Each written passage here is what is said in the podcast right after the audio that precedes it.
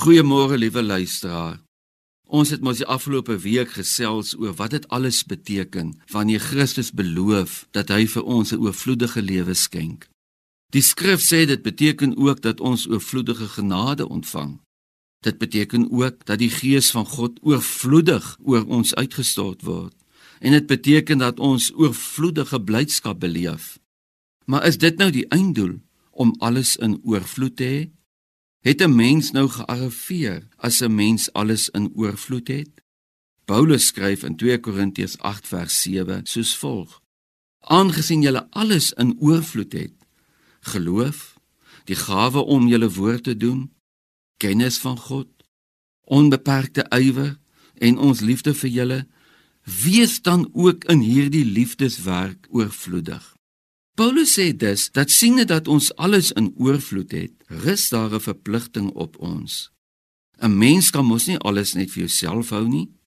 Dit is wel natuurlik om geneig te wees om op te gaar. 'n Mens wil mos altyd nog net so klein bietjie meer hê, want jy het nog nie genoeg nie. Genoeg is mos net so bietjie meer as wat ons nou het. Maar ons moet ook ons oorvloed deel met ander. Ja, dit is nie net materiële goedere wat met ander gedeel kan word nie. Ons kan ook geestelike dinge met ander deel.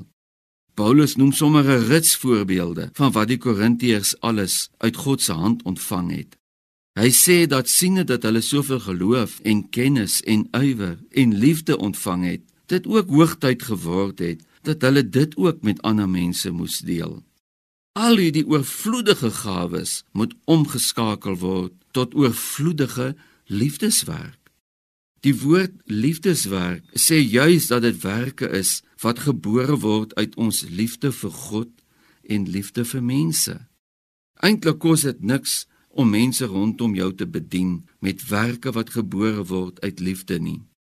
Bemoedig mense rondom jou bedien hulle in hul nood. Ryk uit na hulle wat eensaam is.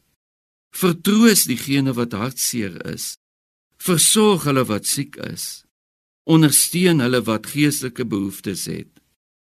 Word oorvloedig in liefdeswerk omrede jy oorvloedig genade ontvang het. Kom ons bid saam. Hemelse Vader, dankie vir u oorvloedige goedheid in my lewe. Maak asseblief my oë oop vir mense rondom my wat nood het, sodat ek my oorvloed met ander kan deel. Amen.